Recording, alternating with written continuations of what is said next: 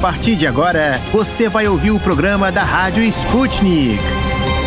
Olá, ouvintes. Eu sou a Melina Saad e apresento hoje o programa da Rádio Sputnik com a minha amiga e colega Tayana de Oliveira. Isso aí, Melina. Vamos juntas trazer o que acontece de mais importante no Brasil e no mundo nesta segunda-feira, 21 de março. Vamos começar com uma boa notícia. O ministro do Supremo Tribunal Federal, Alexandre de Moraes, revogou a decisão que bloquearia o aplicativo Telegram em todo o país. O ultimato ocorreu na última sexta-feira e causou divergência entre juristas. Alguns especialistas chegaram a classificar a decisão como absurda e imoral. Moraes aceitou um pedido da Polícia Federal justificada em tentativas frustradas de contato por parte da PF com o aplicativo. Após a decisão, o fundador do aplicativo, Pavel Durov, encaminhou um comunicado oficial em que pediu desculpas pela gestão do Telegram ter sido negligente, nas palavras dele, com a justiça brasileira. O russo ainda afirmou que poderia processar com eficiência as solicitações de remoção de canais públicos ilegais no Brasil. Algumas investigações investigações apontaram que criminosos usam o aplicativo para propagar discurso de ódio e cometer outros crimes. Vale ressaltar que criminosos também utilizam outros aplicativos e redes sociais, né, Thay? Exatamente, Melina. Inclusive, esse foi um dos argumentos utilizados por críticos da decisão de Moraes. No domingo, o ministro suspendeu a decisão alegando que o Telegram cumpriu as determinações judiciais que estavam pendentes no prazo designado, que foi o de 24 horas após a notificação. Entre essas determinações, determinações estão a indicação à Justiça de um representante oficial do Telegram no Brasil, informar providências adotadas para o combate à desinformação, excluir links no canal oficial do presidente Jair Bolsonaro que permitem baixar documentos de um inquérito sigiloso e bloquear o canal Cláudio Lessa. Ainda em Brasília, o presidente do Congresso Nacional, senador Rodrigo Pacheco, respondeu às críticas feitas pelo ex-presidente Luiz Inácio Lula da Silva sobre a formação atual do parlamento brasileiro. O pré-candidato do PT à presidência da República afirmou que o Congresso nunca esteve tão deformado e antipovo como está agora, nas palavras dele, e que talvez a formação atual seja a pior na história do Brasil. Em resposta, Pacheco qualificou as denúncias de Lula como deformadas, ofensivas e sem fundamento, no que chamou de fruto do início da disputa eleitoral. O senador afirmou que os parlamentares da atual legislatura entregaram reformas que estavam engavetadas há anos. A nota diz ainda que o Congresso se posicionou fortemente em defesa da democracia, na pauta antirracismo e nos direitos das mulheres. Pacheco chegou a lançar sua pré-candidatura à presidência da República pelo PSD e seria adversário do petista nas eleições de outubro, mas desistiu. O senador deve focar seus esforços na reeleição para a presidência do Senado em fevereiro de 2023. E as fortes chuvas voltam a atingir a cidade de Petrópolis, na região serrana do Rio de Janeiro. Depois da tragédia em fevereiro, que deixou mais de 200 mortos, a cidade cidade amanheceu contabilizando as vítimas e os estragos. Até o início da manhã de hoje já eram cinco mortos e quatro desaparecidos. Ao todo, foram mais de 95 ocorrências registradas na cidade entre deslizamentos e alagamentos. Uma tristeza, né, Thay? Pouco mais de um mês depois da chuva que devastou a cidade, agora mais mortes em função da chuva. Com certeza, Mel. Agora falando sobre a cena internacional, o conflito na Ucrânia segue dominando o noticiário. Nesta segunda-feira foi relatado vazamento de amônia em uma fábrica química na cidade de Sumy, no sul da Ucrânia, que contaminou uma zona em um raio de mais de 5 quilômetros. O governador da região ainda não informou o que causou o incidente. A vice-primeira-ministra da Ucrânia, Irina Vereshchuk, respondeu ontem ao requerimento da defesa russa relacionado à evacuação dos civis de Mariupol, dizendo que Kiev não vai se render. Enquanto isso, a representante dos direitos humanos da República Popular de Donetsk, Daria Maria Morozova relatou a Sputnik crimes cometidos pelos batalhões nacionalistas ucranianos em Mariupol.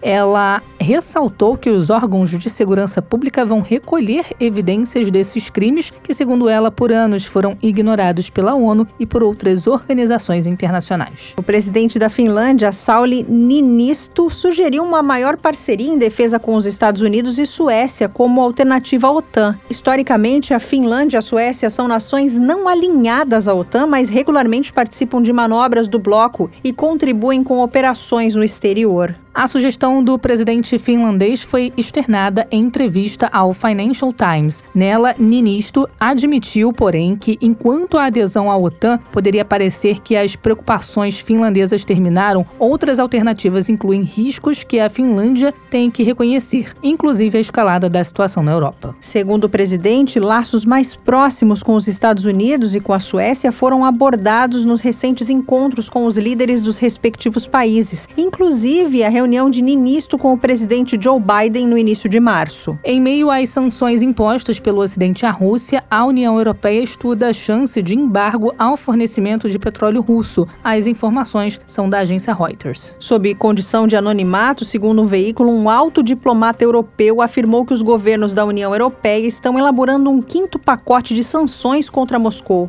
De acordo com informações da agência, os países do Báltico insistem no embargo, enquanto a Alemanha, a maior compradora de petróleo russo no bloco, adverte que as ações podem ser precipitadas, uma vez que os preços de energia na Europa já estão muito altos. Ainda falando sobre o conflito, o chefe do projeto de atendimento médico da Ucrânia, Hospital Móvel, Gennady Druzenko, afirmou ter dado ordem aos seus médicos para castrar todos os soldados russos feitos prisioneiros. A declaração, no mínimo chocante, chocante foi dada durante entrevista ao canal TV Ucrânia 24. E o premier do Paquistão, Imran Khan, parabenizou o governo da Índia após o país apresentar uma diplomacia contrária às pressões promovidas pelo Ocidente contra a Rússia. Ele classificou a política indiana de independente em relação aos Estados Unidos, Japão e Austrália. Depois desse giro de notícia, que tal vermos o que preparamos para vocês no programa de hoje? E no programa de hoje.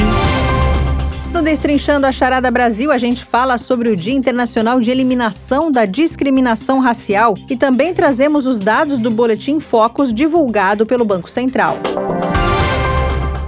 Na hora do play, China cria a maior infraestrutura militar do mundo desde a Segunda Guerra Mundial.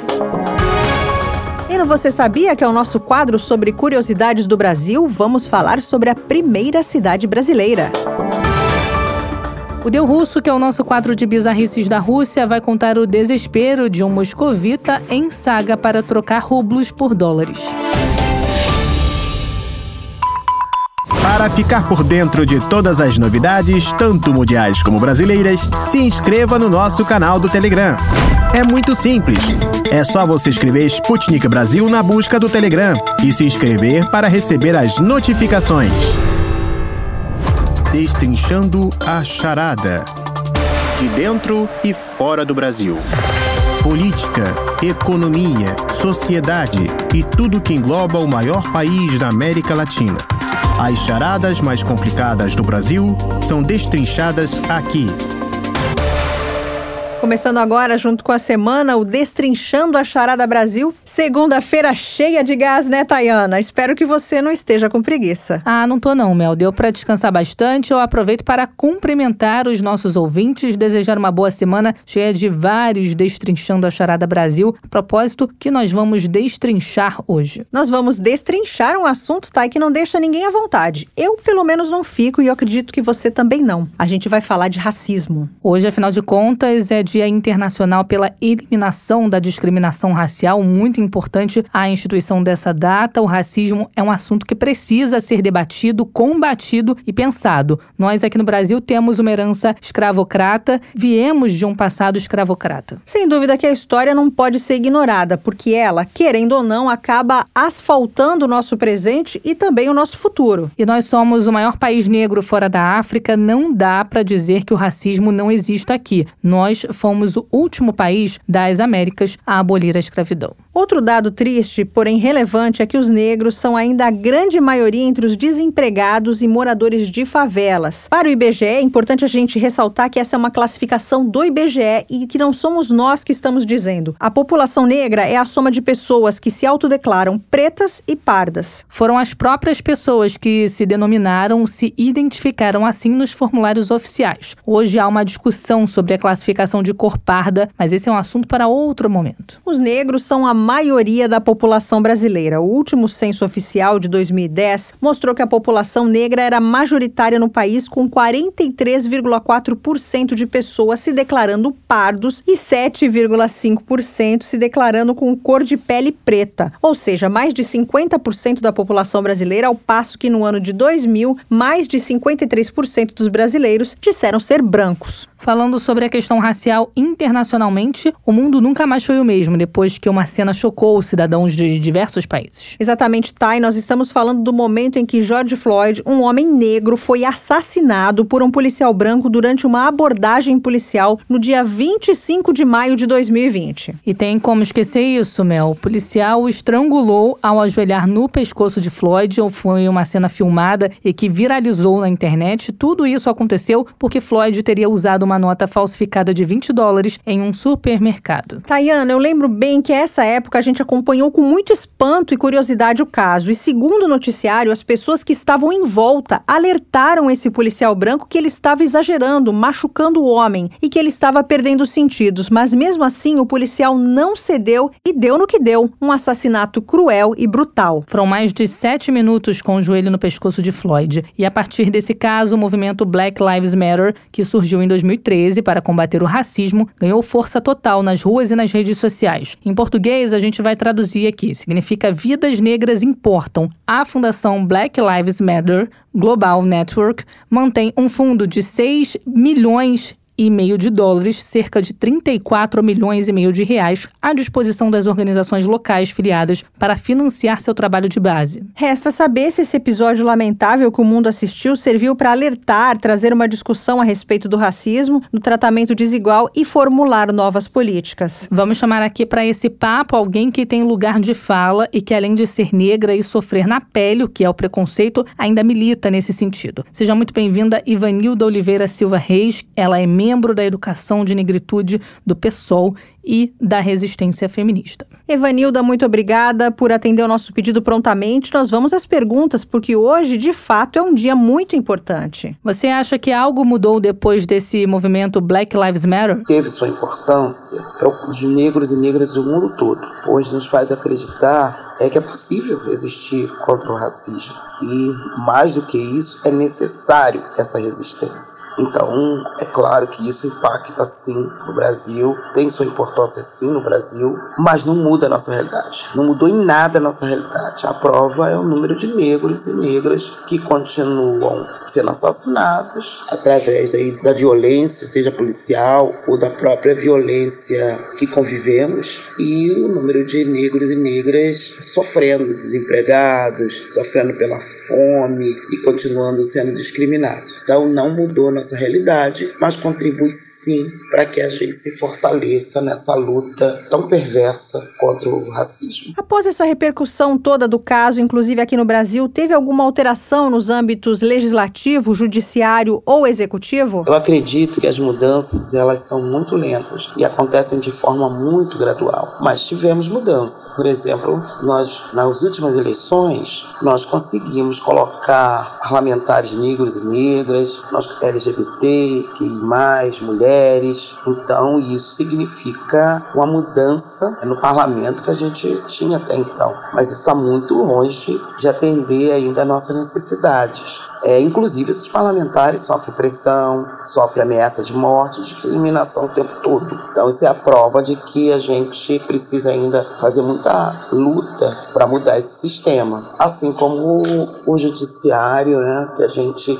o negro e negra ou negra hoje que procura a justiça e denuncia racismo, tem a coragem de fazer isso, que eu preciso ter coragem, ainda sofre muito. Ainda não é tão simples assim. Precisa provar o tempo todo que realmente é racismo, porque a cultura de que são todos iguais predomina. Né? Então, o racismo ele não é encarado fo da forma que deveria e muito menos penalizado como deveria. Então, ainda é preciso que a gente continue resistindo, lutando para que as mudanças ocorram. Ainda não tem uma mudança aí no âmbito do sistema, que seja legislativo, judiciário, executivo, que represente ainda o resultado dessa nossa luta contra o racismo. A sua avaliação, a temática racial deve ter algum destaque nas eleições desse ano? Eu acho que esse tema, assim como o machismo, a LGBTfobia, o racismo fará parte sim de destaque, inclusive nas campanhas eleitorais. Acho que é impossível um político hoje fazer campanha num país em que parcela da população, essa população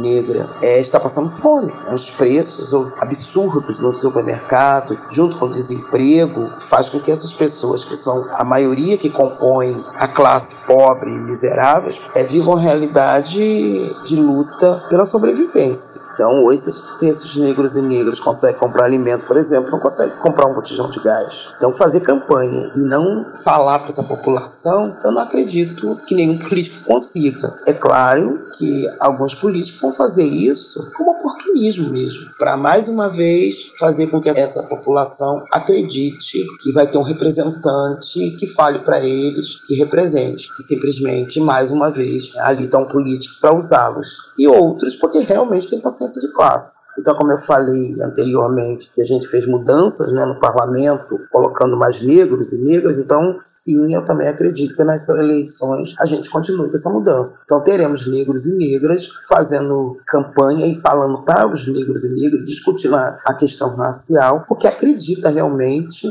que a gente só transforma a sociedade exterminando e acabando com o racismo. Então a gente vai ter sim discussões nessa eleição com viés oportunista e outros realmente é, acreditando na necessidade da mudança. Mas, de qualquer forma, acho que esse tema vai fazer parte, sim, do processo eleitoral. Ivanilda, você acredita que é possível uma pessoa ser negra e ainda assim reproduzir o preconceito? Vivemos uma sociedade racista, em que o negro recebe os menores salários, estão no subempregos, padrão estético de beleza não é do negro e negras, com pequenas exceções. Não, o negro não se vê como padrão de beleza nas redes sociais jornais, na televisão. A luta para que o negro possa ter uma boa educação é muito grande. Então, é uma exclusão muito grande dessa população negra. Diante disso, sim, a gente tem negros e negras que praticam racismo. Alguns negros conseguem, por exemplo, ascender socialmente, ele vai conviver com uma classe que não é ocupada pelos negros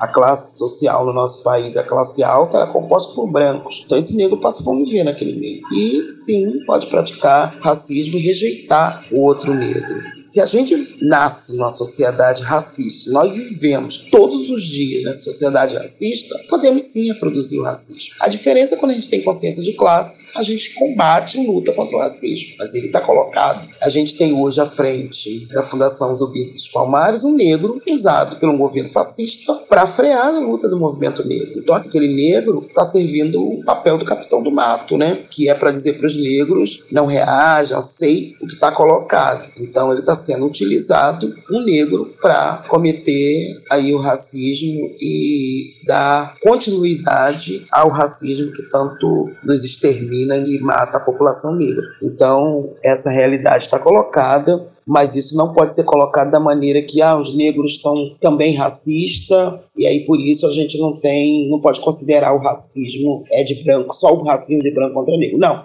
racismo, ele existe de branco contra o negro, sim, numa sociedade de classe alta contra os pobres e os miseráveis, que somos nós, os negros e negras. Então, ele é uma questão colocada assim e a gente precisa combatê-lo, mesmo que seja de negro contra negro. Como você tem visto a questão do racismo nos corredores humanitários na Ucrânia, onde as pessoas loiras e de olhos azuis estão tendo preferência? O que você sente ao ver isso? Para uma mulher negra que luta contra o racismo, é muito difícil. Emocionalmente, isso me abala muito. Eu fiquei muito emocionada, com muita tristeza em ouvir isso, ler os depoimentos. Porque a guerra por si só já é um, um fato né, real de sofrimento trabalhadoras e trabalhadores que estão passando por aquilo, lutando pelas suas vidas, já é muito penoso. E aí a gente ter ainda uma exclusão pela questão racial, ainda ser tratado como resto, então sua vida ter menos importância por conta da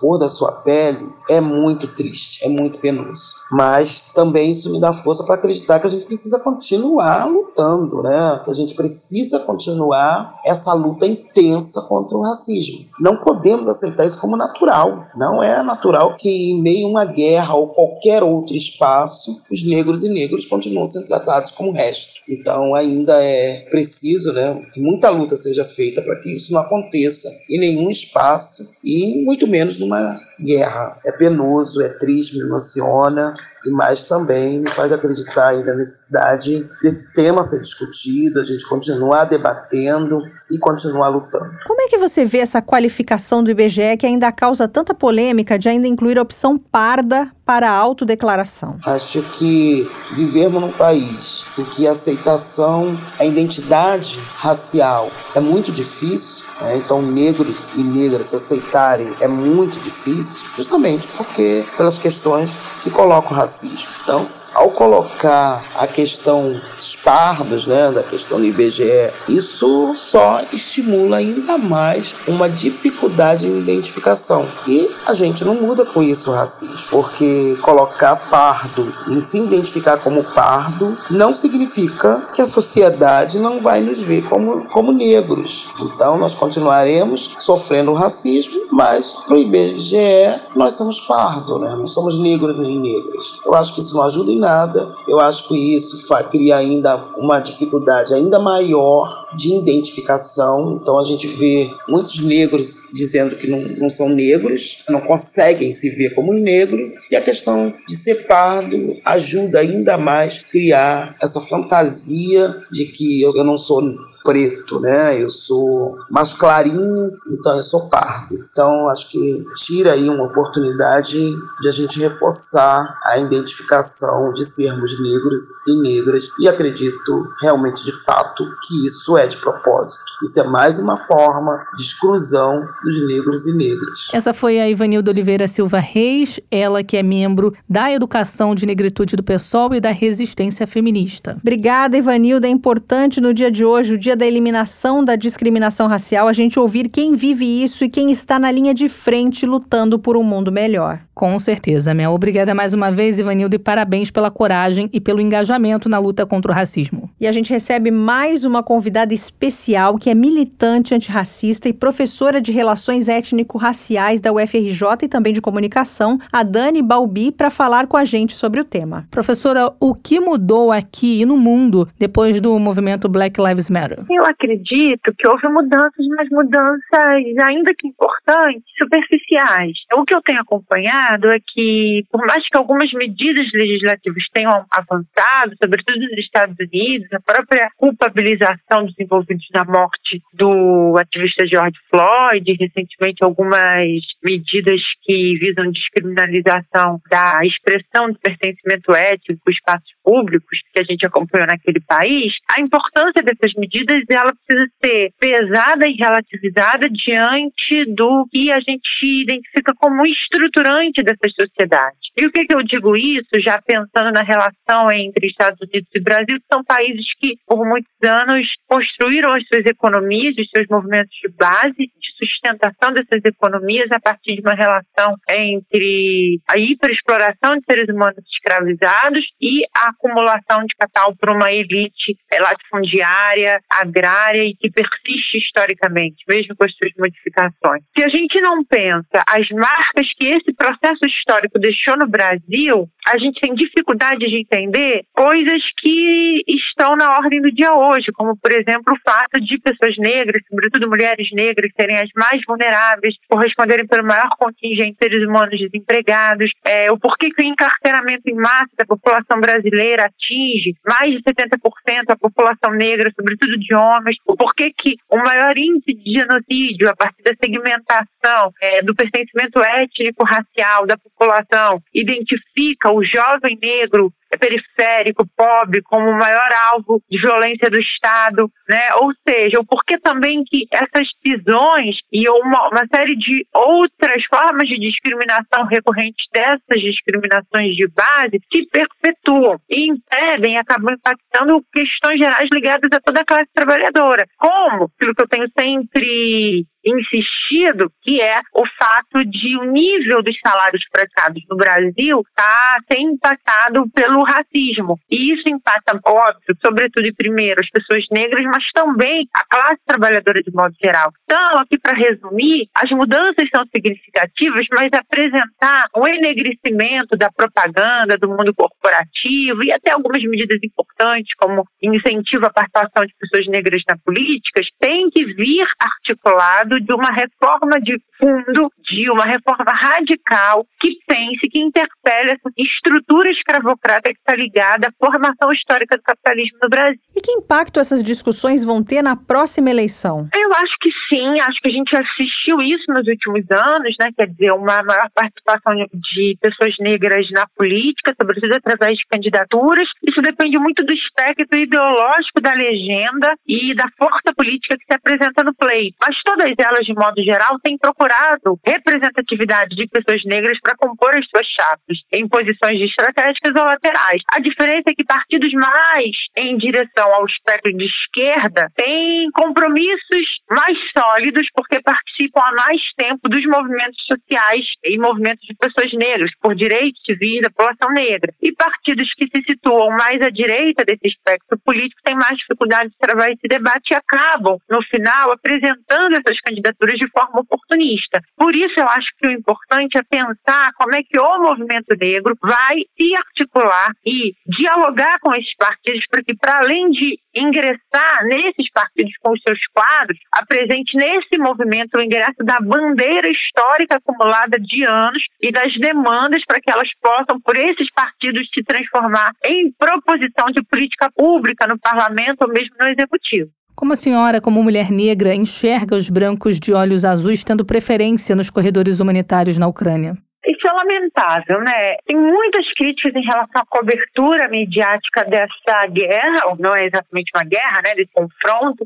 E acho que aquilo que a gente assistiu é a expressão máxima de um racismo que é resultado desse processo de colonização de populações que foram, eh, foram racializadas e racializadas de forma pejorativa, né, e para exploração, são as populações africanas e asiáticas. Isso não tem a menor dúvida. E acho que a, essa imagem, esse fato, ele me acende uma preocupação, porque meu medo é que os conflitos políticos eles comecem a se resolver, pelo menos a partir de uma justificativa falaciosa, que é uma justificativa que retoma a centralidade da supremacia racial. Então, acho que, mas esse é um exemplo talvez mais horrível, mais triste, mas toda a cobertura midiática, inclusive ucraniana, e do partido do Zelensky e da cúpula do governo, tem se valido da penalização da branquitude, da vitimização da branquitude para comover a comunidade internacional, né? Isso realmente é muito lamentável. Agora, esse conflito, ele tem questões, ele precisa ser tratado de forma pragmática, né? A minha posição, inclusive minha posição pública há algum tempo, é sobre está ligada à revisão da própria OTAN. Não é de hoje que a gente tem debatido isso e acho que agora se intensifica com mais força de debate. A OTAN precisa ser desmontada, ela não tem sentido histórico, funcional e acho que as negociações precisam avançar nesses termos para que nós tenhamos, de fato, a restabelecida normalidade e a paz. Como é que a senhora vê a classificação de parda imposta pelo IBGE? Eu, no início, há alguns anos, né, quer dizer, quando o movimento negro começou a debater essa classificação, a gente tinha muita resistência. Mas a gente compreendeu no processo também que como a consciência racial da população brasileira ela era muito débil, valia a pena dividir a população negra entre pretos e pardos, para que, no cômputo geral, a gente conseguisse demonstrar que a maior parte da população brasileira era negra, mesmo que dividida entre aquilo, né, de modo muito geral se considera preto e pardo, para que a partir daí a gente conseguisse demonstrar, pois, que era necessário construir política pública para esse maior contingente populacional que estava muito vulnerável e que essas políticas públicas precisavam ter corte racial. A minha posição ela foi mudando, né, e acho que isso ajudou, de certa maneira, os próprios pardos, o que eu vejo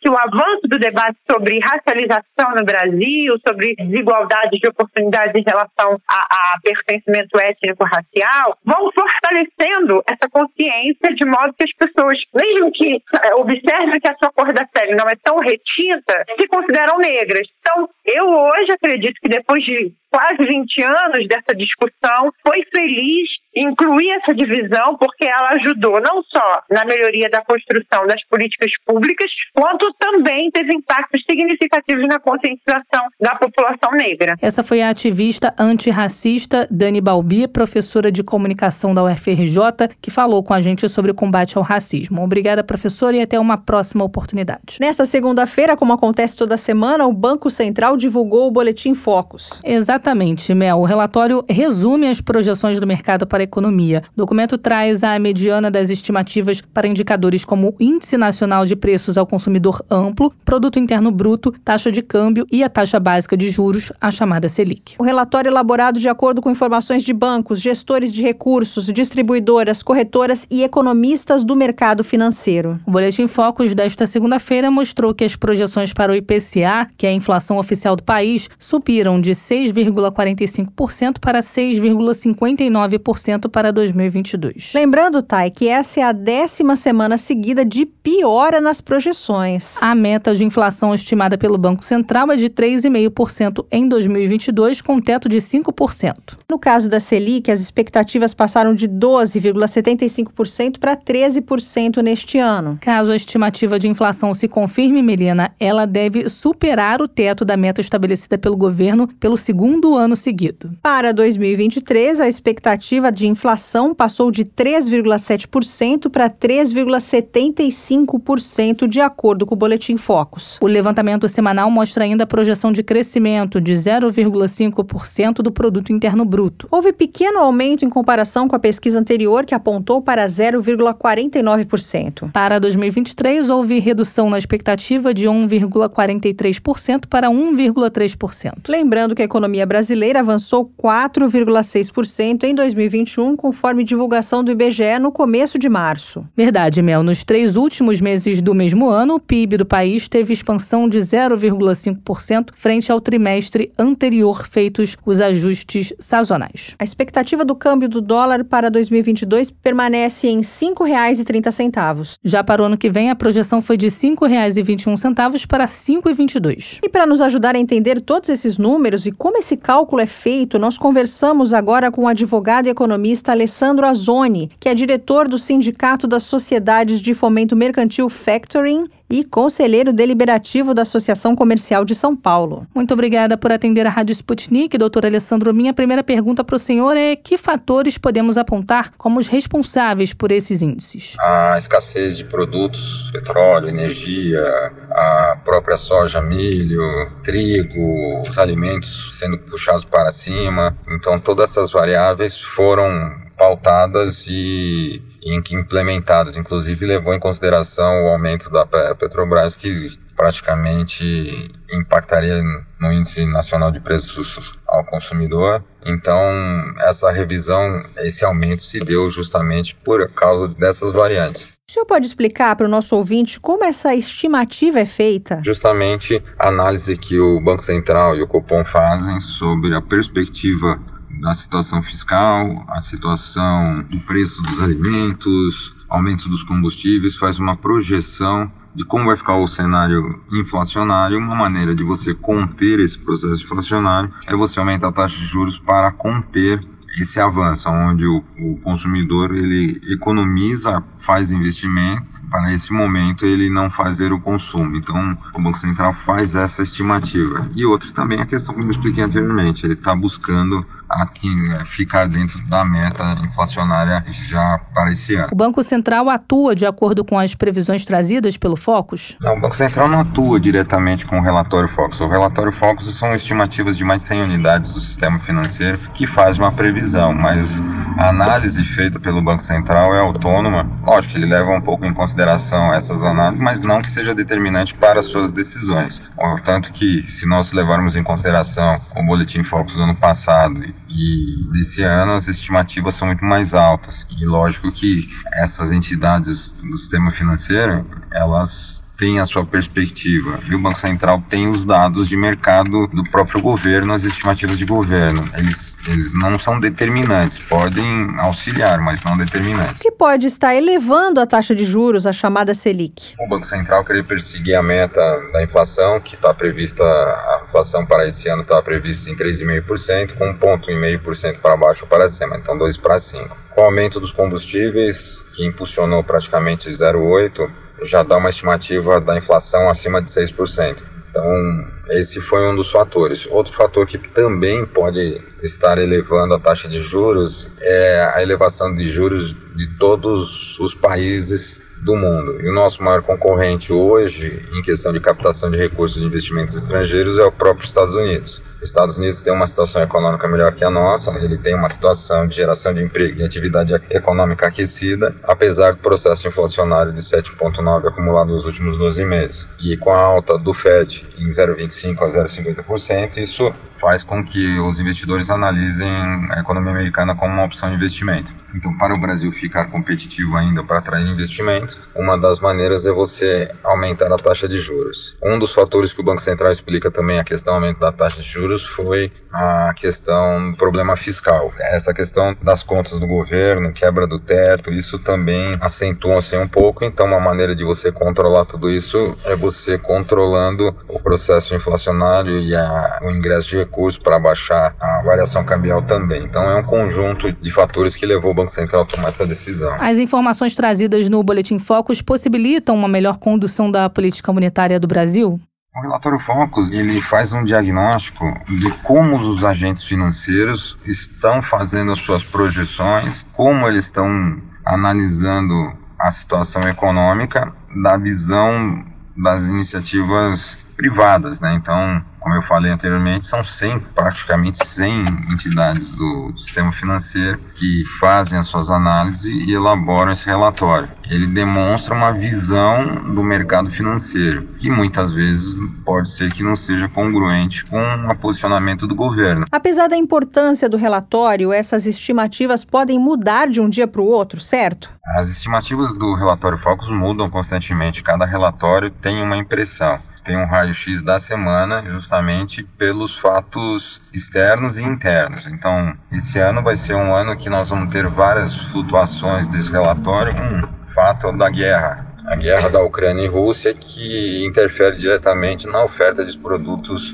dos produtos, principalmente petróleo, energia, pode gerar uma questão de, de inflação nos países europeus, com um desaquecimento dessa economia, gerando um processo inflacionário. Isso pode impactar. Outro fator também que deve alterar é justamente esses fechamentos da, das cidades chinesas, justamente por uma por uma volta da, da pandemia na, na, China. Isso também provoca um cenário, porque isso provoca uma sensação que se a China realmente vier a fechar, um, haverá um, uma ruptura do processo de crescimento econômico. A China hoje é uma das principais nações do mundo, na qual todos têm relacionamento tanto de exportação como importação. Isso também afeta a análise setorial que é feita pelo relatório Forbes. E também a questão da relação interna política. Nós vamos ter um ano eleitoral, e esse ano eleitoral podemos ter, um, conforme saem as pesquisas, conforme os candidatos vão se posicionando, o eleitor também vai se posicionando, isso pode alterar a concepção dos analistas de mercado, uma vez que é, muitos investidores estão posicionados com Paulo Guedes, até que tem uma segurança da continuidade da economia, isso pode criar uma volatilidade e interferir diretamente no resultado do Fox. Também da questão política, né, de a gente olhar a questão das reformas, como está sendo. Eu não acredito que as reformas agora, que entram a partir do dia 1 de abril, 2 de abril, que já começa a descompatibilidade dos cargos, e aí as reformas, elas já começam começa uma, uma corrida para o processo eleitoral, eu não acredito muito que avance essas reformas, tanto tributária como administrativa e algumas coisas que sejam necessárias, votações no Congresso Nacional. Então, por isso que o relatório Focus ele tem uma alteração cada e ter uma, uma alteração tanto de crescimento de PIB, ou uma redução, um avanço, a estimativa da variável cambial, tanto que o último relatório falava de quanto seria a estimativa do câmbio para esse ano, tanto que de projeção para a Selic, tanto de projeção da taxa de juros, mas isso pode ser revisto conforme nós temos todas essas variáveis explicadas. Então o relatório ele não é instante, ele não é fixo, então ele pode variar para cima ou para baixo dependendo desses todos esses cenários internos, externos, de fator guerra e pandemia. Né? Muito obrigada pelos esclarecimentos, doutor Alessandro. Até a próxima. Esse foi o advogado e economista Alessandro Azoni, que é diretor do Sindicato das Sociedades de Fomento Mercantil Factoring e conselheiro deliberativo da Associação Comercial de São Paulo. Em meio a tantos reajustes em diversos setores, sempre é importante entender um pouco mais sobre economia, né, Melina? Ah, com certeza, Thay. O assunto é complexo e sempre levanta muitas dúvidas. E nós sempre vamos tentar esclarecê-las aqui para os nossos ouvintes. A gente encerra agora o Destrinchando a Charada Brasil de hoje. Até mais.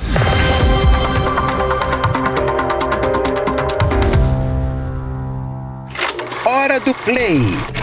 Curtidas e mais curtidas da Rússia ao Brasil. Confira com a gente os vídeos da Sputnik Brasil que estão bombando na internet.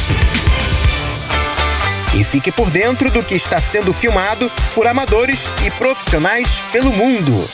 Vamos nessa, Mel. Chegou a hora mais esperada do dia, que é a hora do play. Ah, é mesmo. Eu fico muito curiosa para saber o que é que tá bombando na internet. Olha, eu adoro saber o que as pessoas mais viram e curtiram na internet. Então, já que nós e os ouvintes queremos saber, traz pra gente, Tito. Direto da Sputnik de Moscou, o que é que você manda, meu amigo? Olá, queridos amigos da Rádio Sputnik. Eu sou Tito da Silva e estes são os vídeos da Hora do Play. E para você que ainda não assistiu aos vídeos da Hora do Play, saiba que você pode os encontrar na plataforma de vídeos Odyssey. É só escrever Sputnik Brasil Odyssey no seu navegador. Não sabe escrever Odyssey? Eu soletro para você. O-D-Y-S-E-E.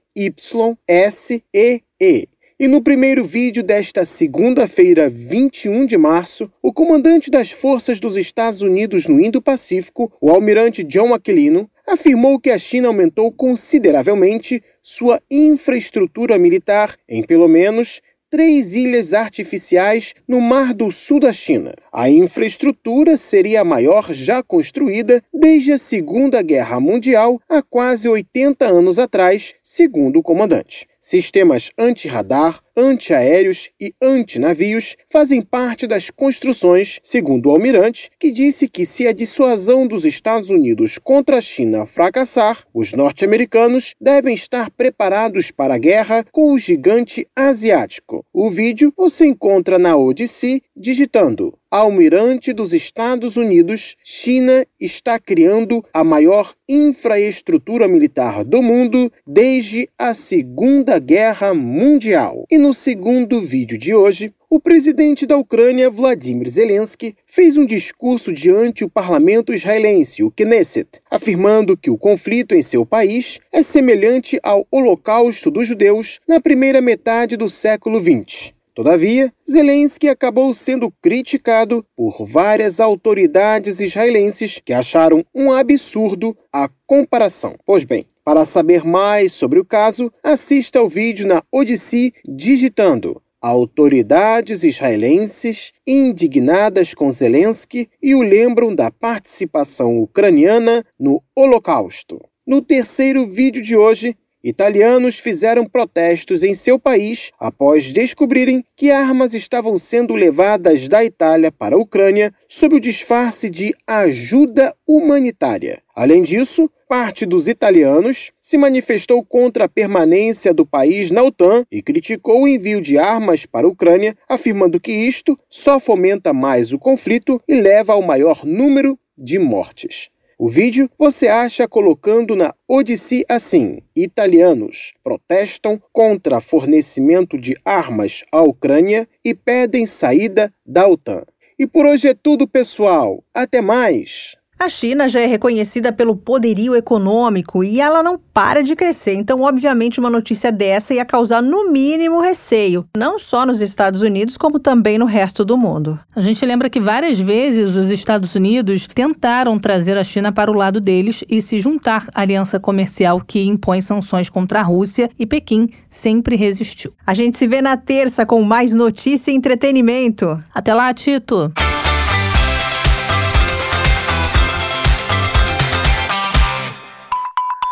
Para ficar por dentro de todas as novidades, tanto mundiais como brasileiras, se inscreva no nosso canal do Telegram. É muito simples. É só você escrever Sputnik Brasil na busca do Telegram e se inscrever para receber as notificações. Você sabia? Não? Agora vai saber! País gigante como o Brasil, sempre há mistérios ou peculiaridades históricas que merecem ser desvendados. Vem com a gente descobrir!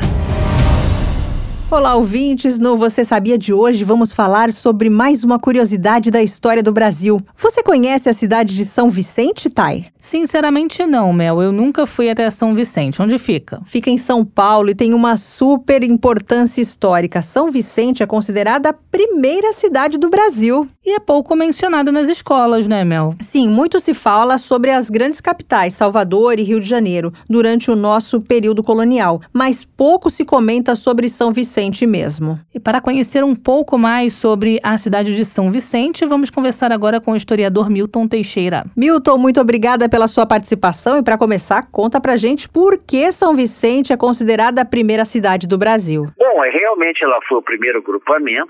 Martim Afonso de Souza, ele vinha para colonizar a capitania de São Vicente, ou fundar uma cidade na Baía da Guanabara, não deu certo houve reação violenta dos indígenas.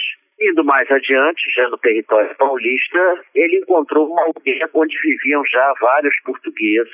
E o que é melhor, o que interessava mais ele, com rotas de penetração para o interior, as famosas peabirus, como eram conhecidas, as rotas de penetração o interior, esperança de chegar às riquezas do Império Inca e de outras regiões auríferas. Então chamou mais a atenção de São Vicente.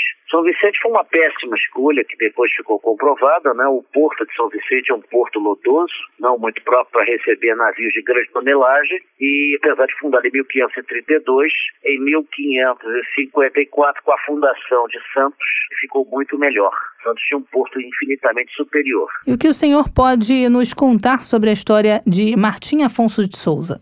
Martim Afonso de Souza tinha uma carreira de administrador na Índia. Ele era parente de importantes figuras ligadas ao rei. Ele não era completamente desprovido de pistolões, mas ele era um cara operoso. Na Índia ele fez assim grandes obras administrativas em colônias lusitanas. E ele foi indicado para receber a capitania de São Vicente e realmente deu desenvolvimento a ela por causa do açúcar. Infelizmente, ele era mais preocupado em achar ouro do que qualquer outra coisa. Ele ficou muito pouco tempo na capitania, a tal ponto que depois dessa aventura do Brasil, ele retorna a Portugal e é indicado por um importante cargo na Índia, que ele exerce, e depois, quando ele escreve a sua própria autobiografia, ele não cita em nenhum momento a participação dele no Brasil. Quais eram as características da cidade na época? Era uma aldeia indígena onde já viviam vários portugueses degredados, sobreviventes de naufrágios e etc. Então já havia uma ligação com os índios e que facilitava muito o comércio, a integração. Infelizmente, o porto de São Vicente era um porto lodoso e não se prestava ao calado das caravelas e naus da época.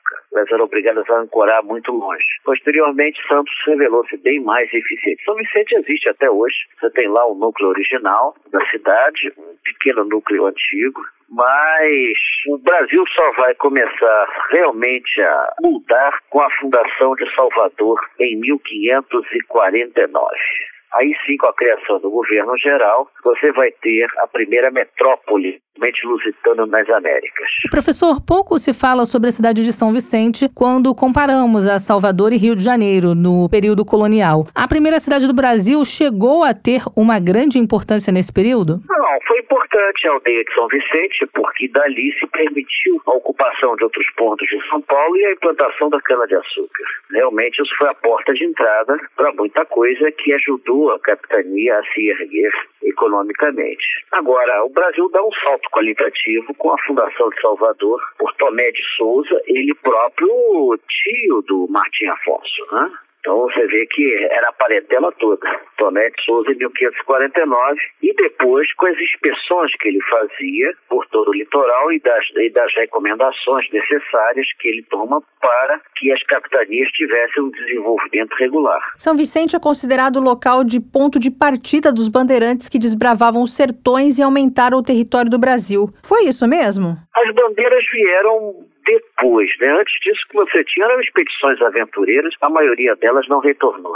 O próprio Martim Afonso quase perdeu a vida e não achou nada. Aliás, ninguém naquela época achou nada de valor. A única coisa que eles achavam de valor eram os índios que eram escravizados. Professor, muito obrigada pela entrevista à Rádio Sputnik. Esperamos contar com a sua participação em outras oportunidades. O Você Sabia de hoje fica por aqui. Até a próxima.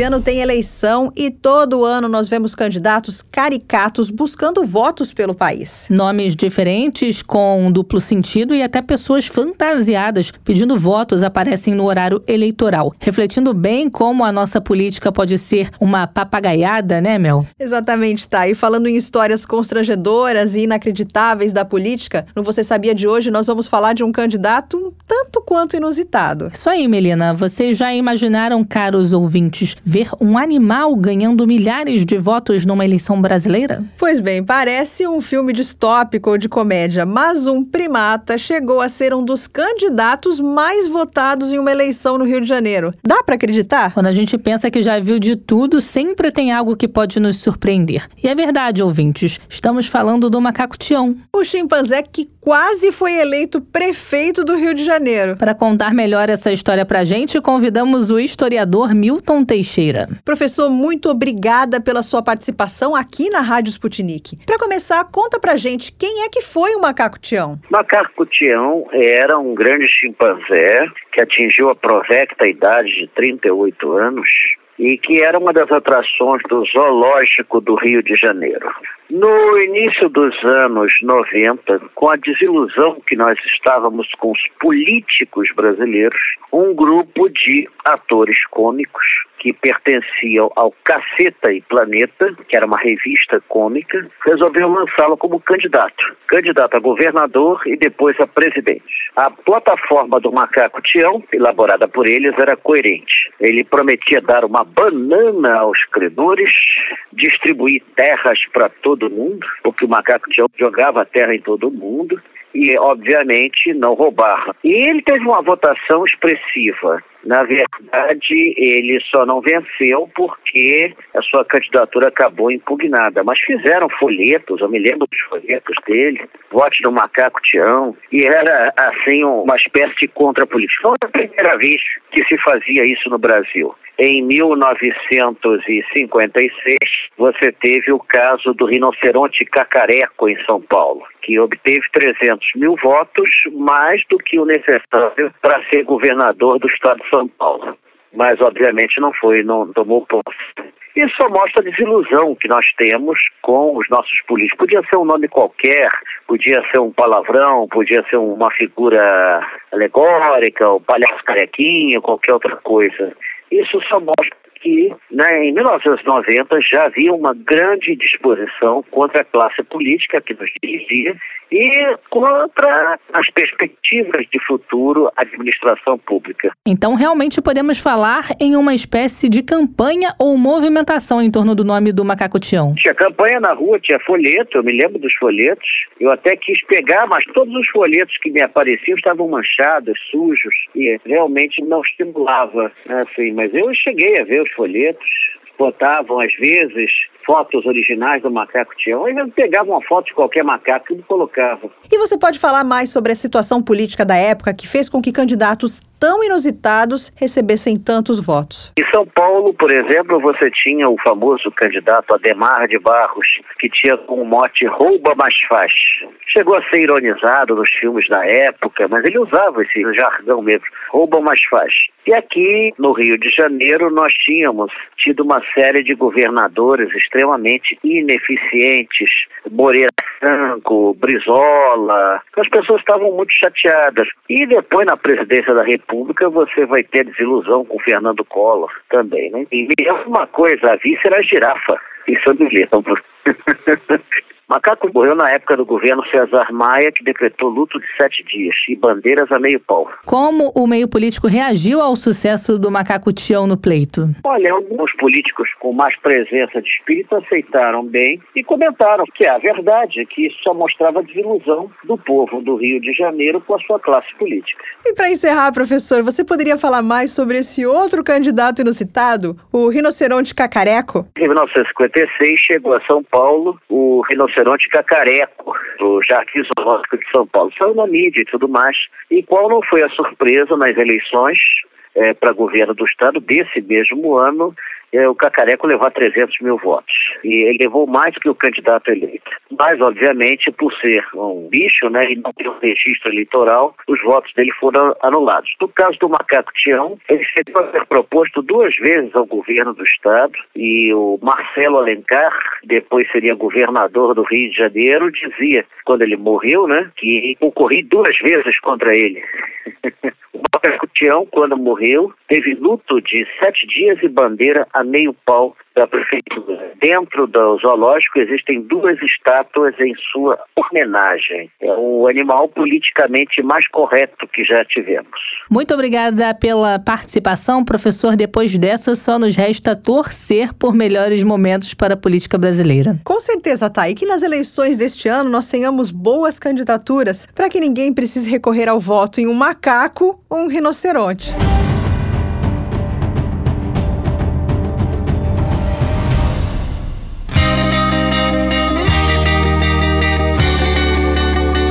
Deu Russo.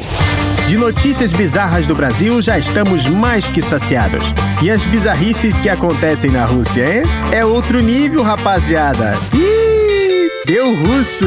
Com a desvalorização do rublo russo em meio às sanções ocidentais contra a economia da Rússia, tinha muita gente tentando trocar rublo por dólar no começo da queda da moeda local, em uma tentativa de não sair perdendo. Para quem não sabe, há muitos caixas eletrônicos espalhados pelas cidades russas que dão a possibilidade de seus clientes sacarem tanto rublo como euro e dólar, o que ocasionou filas e mais filas de russos querendo sacar o que tinham em moedas estrangeiras. Mas claro, claro que as casas de câmbio não ficaram de fora do desespero de muitos russos, que não viam no rublo um futuro a ser guardado. No Deu Russo de hoje, vamos contar a história de um moscovita que decidiu pegar outro caminho para trocar os seus rublos por dólares. Esse russo não entrou nas filas dos caixas eletrônicos nem das casas de câmbio. O moscovita Anton decidiu encontrar um agente perguntou para conhecidos se alguém poderia indicar um bom corretor de câmbio. Para esse moscovita, só um agente poderia ajudá-lo. A preocupação de Anton era esperar visto que o monte de dinheiro que ele queria trocar não cabia dentro de uma só carteira. Anton queria trocar todo o dinheiro que passou anos juntando 37 milhões de rublos. Com essa quantia, ouvintes, para vocês terem noção, dava para comprar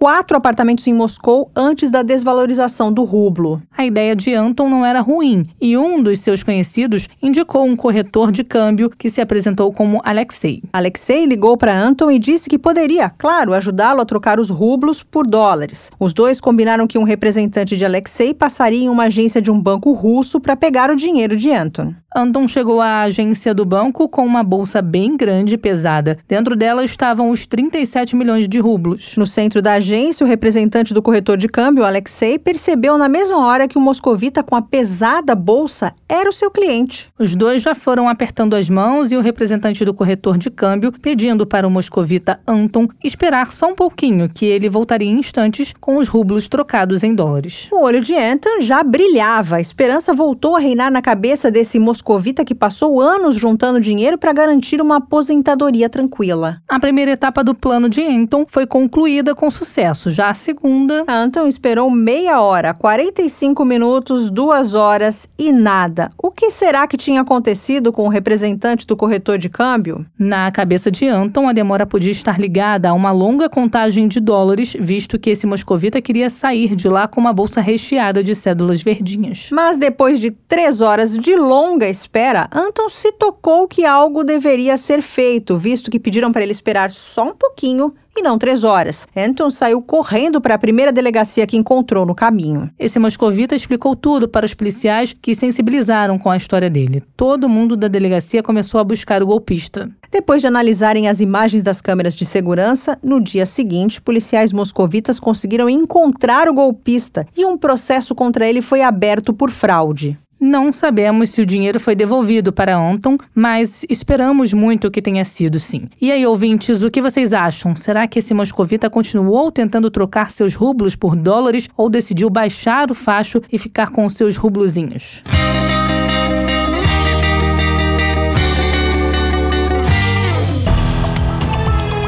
Hora de dar tchau.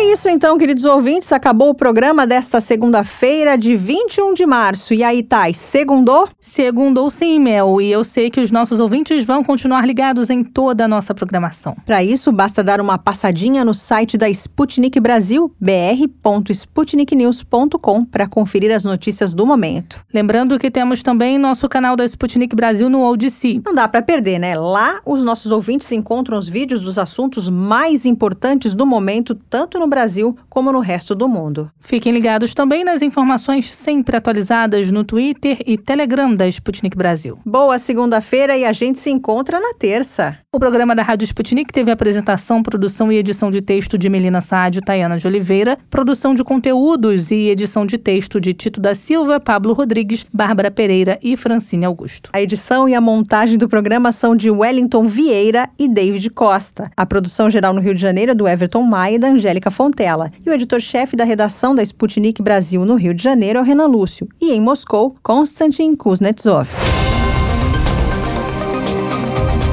Você acabou de ouvir mais um programa da Rádio Sputnik.